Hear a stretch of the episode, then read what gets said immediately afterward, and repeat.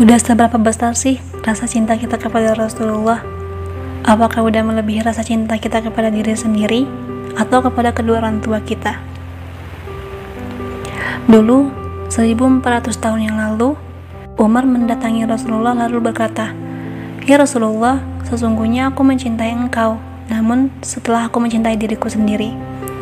Maka seketika itu juga Rasulullah langsung bersabda, Seseorang tidak dikatakan beriman sebelum ia mencintai Allah dan Rasulullah, melebihi ia mencintai dirinya sendiri. Maka tanpa berpikir panjang, Umar pun saat itu juga langsung mencintai Rasulullah dengan berkata, Baiklah ya Rasulullah, saat ini juga aku mencintai engkau melebihi apa pun itu dan siapa pun itu.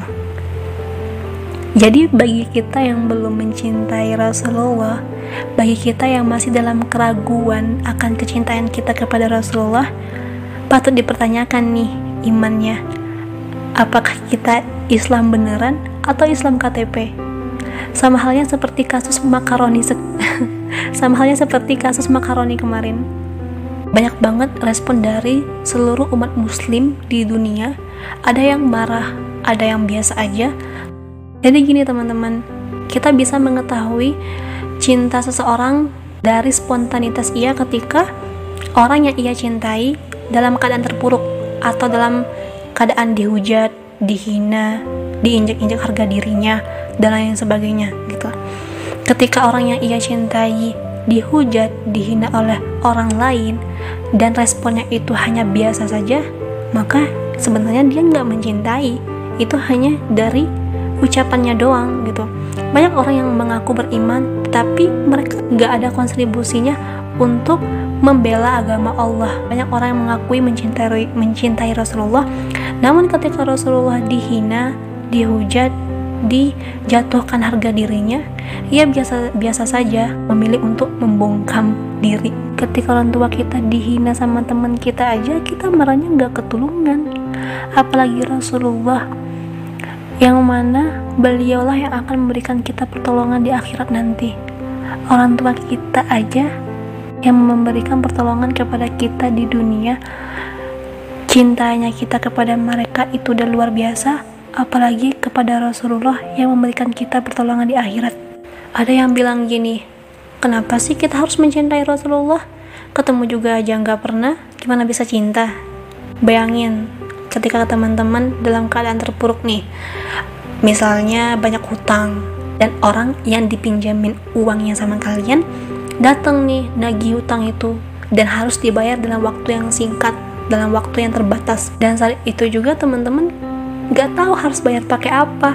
Sedangkan untuk memenuhi kebutuhan pokok aja belum tentu mencukupi gitu apalagi untuk melunasi hutang.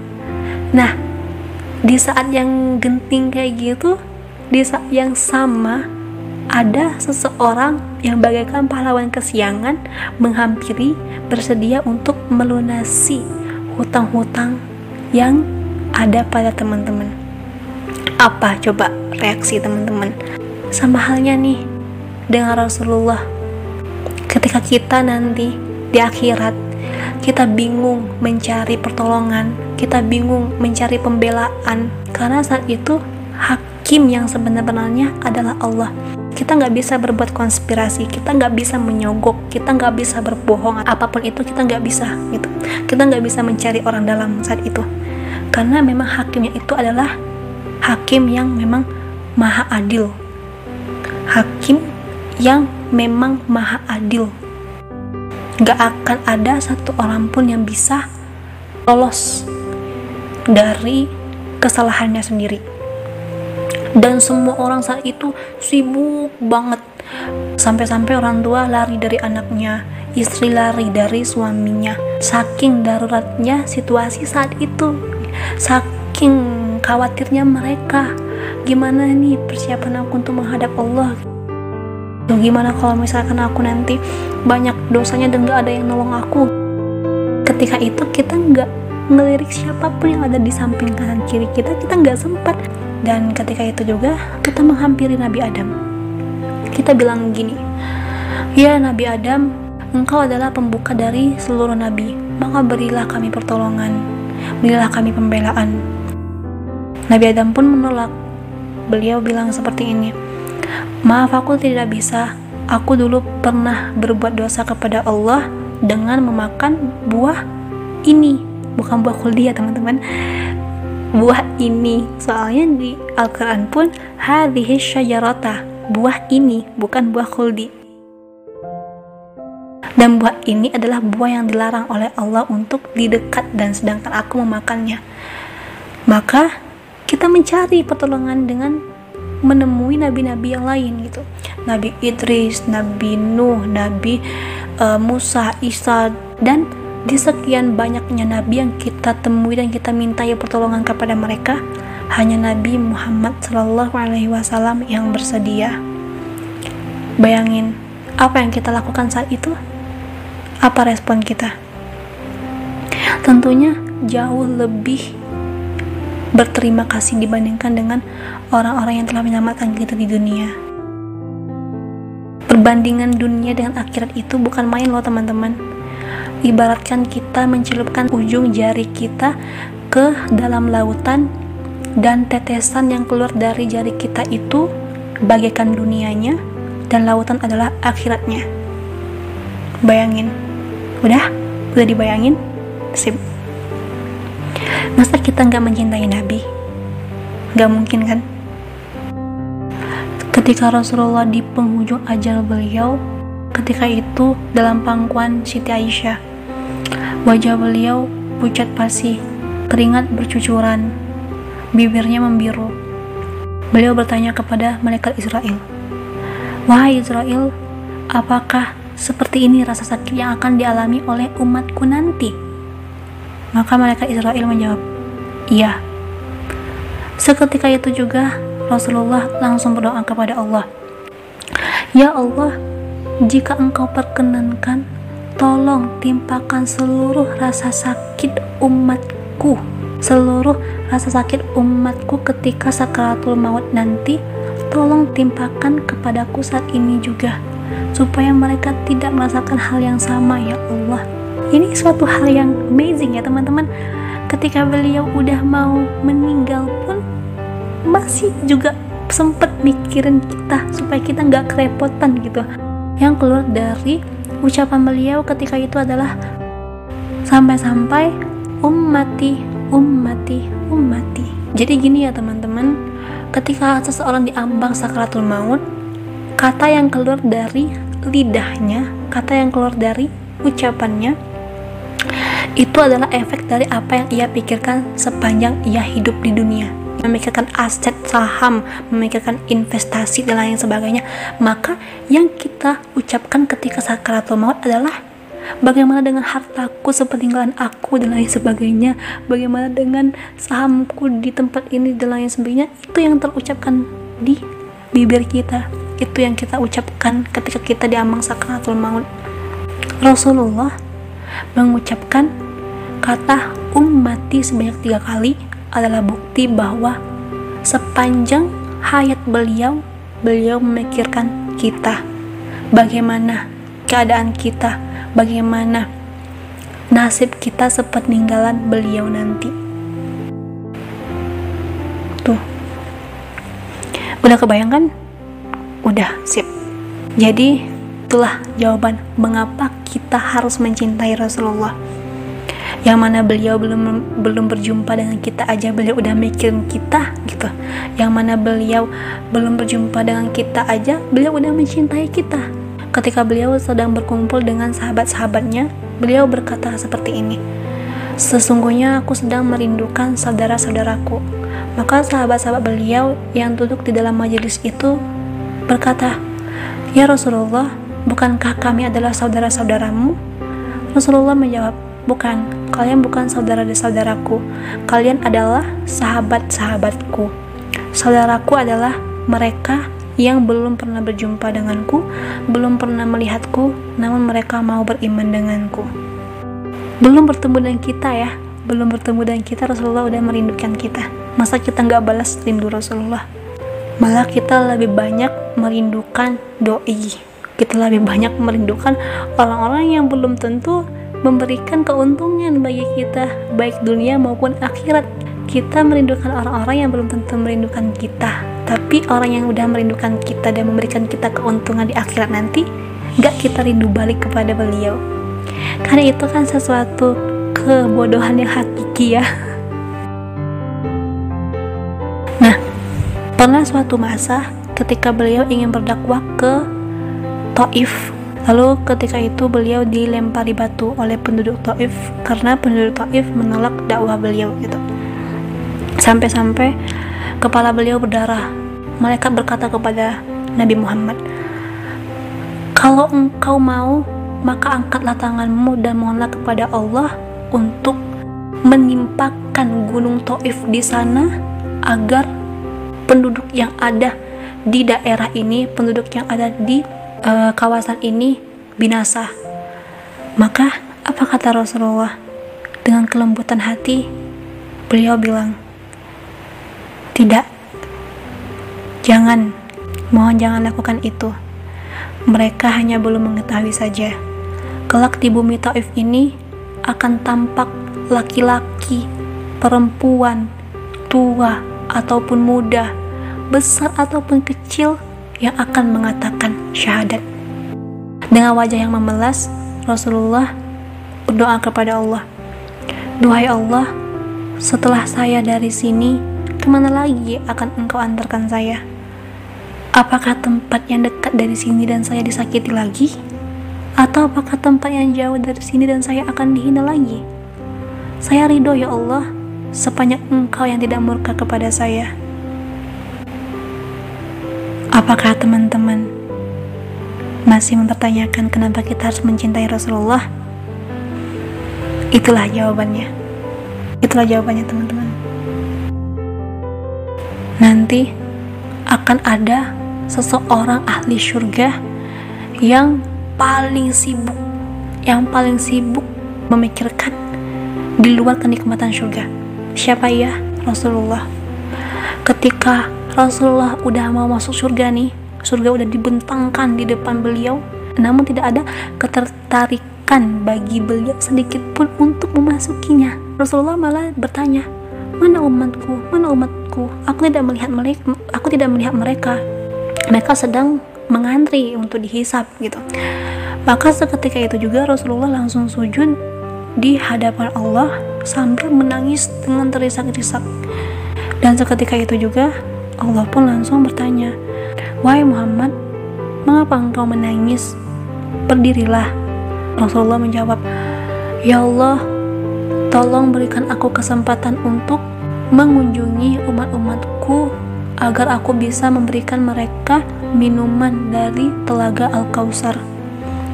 Dan Allah pun mengabulkan permintaan Rasulullah tersebut. Akhirnya, semua umat Rasulullah diberi telaga Al-Kausar yang mana ketika kita meminum air itu dengan seteguk saja hilanglah kehausan kita selamanya. Dan Rasulullah belum puas gitu. Rasulullah belum puas. Rasulullah sujud lagi kepada Allah dengan sujud yang sama dan isak yang sama. Allah pun bertanya dengan pertanyaan yang sama seperti sebelumnya. Rasulullah bilang ya Allah selamatkanlah umatku dari jembatan siratul mustaqim dari ujung sirat atau jembatan sirat maka Allah pun mengabulkan permintaan Rasulullah tersebut. Dan Rasulullah pun masih belum puas juga. Dia masih melakukan hal yang sama dengan isak tangis yang jauh lebih dahsyat. Allah pun bertanya dengan hal yang sama. Mengapa beliau menangis? Mengapa beliau menangis dan sujud begitu lama? Rasulullah pun menjawab Ya Allah selamatkanlah umatku dari neraka walau pahalanya hanya sebesar biji kurma saja. Maka Allah pun mengabulkan. Keluarlah umat-umat Rasulullah dari neraka yang mana pahalanya hanya sebesar biji kurma saja. Dan ketika itu ada berjuta-juta orang yang keluar dari neraka walaupun mereka harus melewati tahap penyucian diri terlebih dahulu. Rasulullah masih belum puas. Rasulullah masih sujud lagi kepada Allah dan beliau masih meminta untuk menyelamatkan kita dari neraka walau pahalanya hanya sebesar biji jagung saja. Allah pun mengabulkan. Dan ketika itu juga keluar semua uh, umat-umat uh, Rasulullah dari neraka yang mana jumlahnya jauh lebih banyak dari jumlah yang sebelumnya. Rasulullah masih belum puas, teman-teman. Dan Rasulullah masih melakukan hal yang sama gitu untuk bersujud kepada Allah dan dengan isak tangis yang jauh lebih dahsyat. Dan Rasulullah meminta, "Ya Allah, selamatkanlah umatku dari neraka walau pahalanya hanya sebesar biji sawi saja atau biji zarah." Allah pun mengabulkan. Dan Rasulullah masih belum puas. Rasulullah masih melakukan hal yang sama dengan isak tangis yang jauh lebih lama dan lebih dahsyat lagi. Dan beliau meminta kepada Allah, e, "Ya Allah, selamatkanlah umat-umatku yang walaupun tidak punya amal, namun dalam hatinya ada kalimat tauhid la ilaha illallah." Maka seketika itu juga keluarlah seluruh umat Rasulullah yang ada di neraka tersebut yang mana mereka tidak memiliki amal apa pun kecuali kalimat tauhid dalam hatinya la ilaha illallah. Udah kebayang nggak kalau belum kebayang maka bayangin. Ada yang nanyain gimana sih caranya untuk bisa menumbuhkan rasa cinta kepada Rasulullah sedangkan kita belum berjumpa dengan beliau? Gitu. Logikanya gini ya teman-teman. Ketika kita belajar MTK ketika kita belajar fisika, ketika kita belajar biologi, gak mungkin lah kita nggak tahu sama gurunya, gak mungkin kita nggak mengenal gurunya gitu. Ketika kita mencintai ilmu matematika, mencintai ilmu fisika, gak mungkin kita nggak mencintai gurunya, iya nggak? Orang yang tidak mencintai gurunya, yang bahkan ia benci sama gurunya, gak mungkin ia bisa mencintai pelajarannya. Nah, kita mencintai Islam, kita mencintai ajaran-ajaran yang ada dalam agama Islam. Tetapi kok kita nggak mencintai siapa yang membawa agama itu? Gak mungkin lah kan? Gitu juga. Gak mungkin kita nggak mencintai Rasulullah, sedangkan Rasulullah adalah yang membawakan agama Islam kepada kita. Rasulullah yang mengenalkan betapa indahnya agama Islam kepada kita sebagai umat Muslim. Rasulullah yang mengajarkan kita bagaimana uh, berperilaku sebagaimana ahli surga. Rasulullah yang mengajarkan kita mana yang baik dan mana yang buruk, mana yang benar dan mana yang tidak benar. Gak mungkinlah kita nggak mencintai beliau. Di sisi lain juga kita bisa mempelajari sirah nabawiyah. Kita bisa membaca, mengenal Rasulullah dari cara-cara beliau, dari lifestyle beliau, dari kebiasaan-kebiasaan beliau, dari perjuangan-perjuangan yang udah beliau lakukan untuk membela agama Islam itu, untuk menegakkan agama Islam dan dan menyelamatkan kita dari ketidakbenaran, dari kegelapan, dari keterpurukan. Nah, mencintai ya, konsekuensi cinta itu bukan hanya mengenal loh, tapi juga mengikuti. Uh, maka gak heran K-popers sama K-pop itu bedanya 11-12 dari lifestyle-nya beda 11-12 alainya astagfirullahaladzim bukan alainya ya karena apa? karena mereka udah menerima konsekuensi dari apa yang ia cintai. Ia mencintai K-pop. Maka gak heran gaya hidupnya itu sama kayak apa yang mereka idolakan gitu. Jadi gak heran juga ya kenapa K-popers itu pada bisa ngedance. Baik laki-laki maupun perempuan mereka bisa ngedance. Iya gak sih? Coba coba coba. Di sini ada yang K-popers nggak ya kalau ada um, jangan tersinggung ya itu ini cuma permisalan doang jangan tersinggung nah gitu juga kita makanya Rasulullah pernah bersabda nanti di akhirat kita akan bersama dengan orang-orang yang kita cintai. Nah, jadi ketika kita mencintai orang baik, kita akan menjadi baik. Ketika kita mencintai orang jahat, kita juga akan menjadi jahat karena itu adalah konsekuensinya. Kita mengikuti apa yang udah menjadi habits orang yang kita cintai. Ketika kita mencintai Rasulullah juga, kita akan mengikuti mengikuti gaya hidup Rasulullah, kebiasaan beliau, bagaimana cara beliau ketika melakukan ini, bagaimana cara beliau ketika melakukan itu. Ketika kita menerima informasi bahwa beliau cara tidurnya begini, maka kita karena saking cintanya kita kepada Rasulullah, kita mengikuti gitu. Makanya orang yang mencintai Rasulullah itu juga termasuk sebagai ahli surga karena Rasulullahnya udah dijamin surganya oleh Allah. Gitu. Jadi teman-teman mulai sekarang mari kita tumbuhkan rasa cinta kita kepada Rasulullah. Kalau masih belum bisa juga paksain. Nah bagi yang mengaku udah mencintai Rasulullah apa buktinya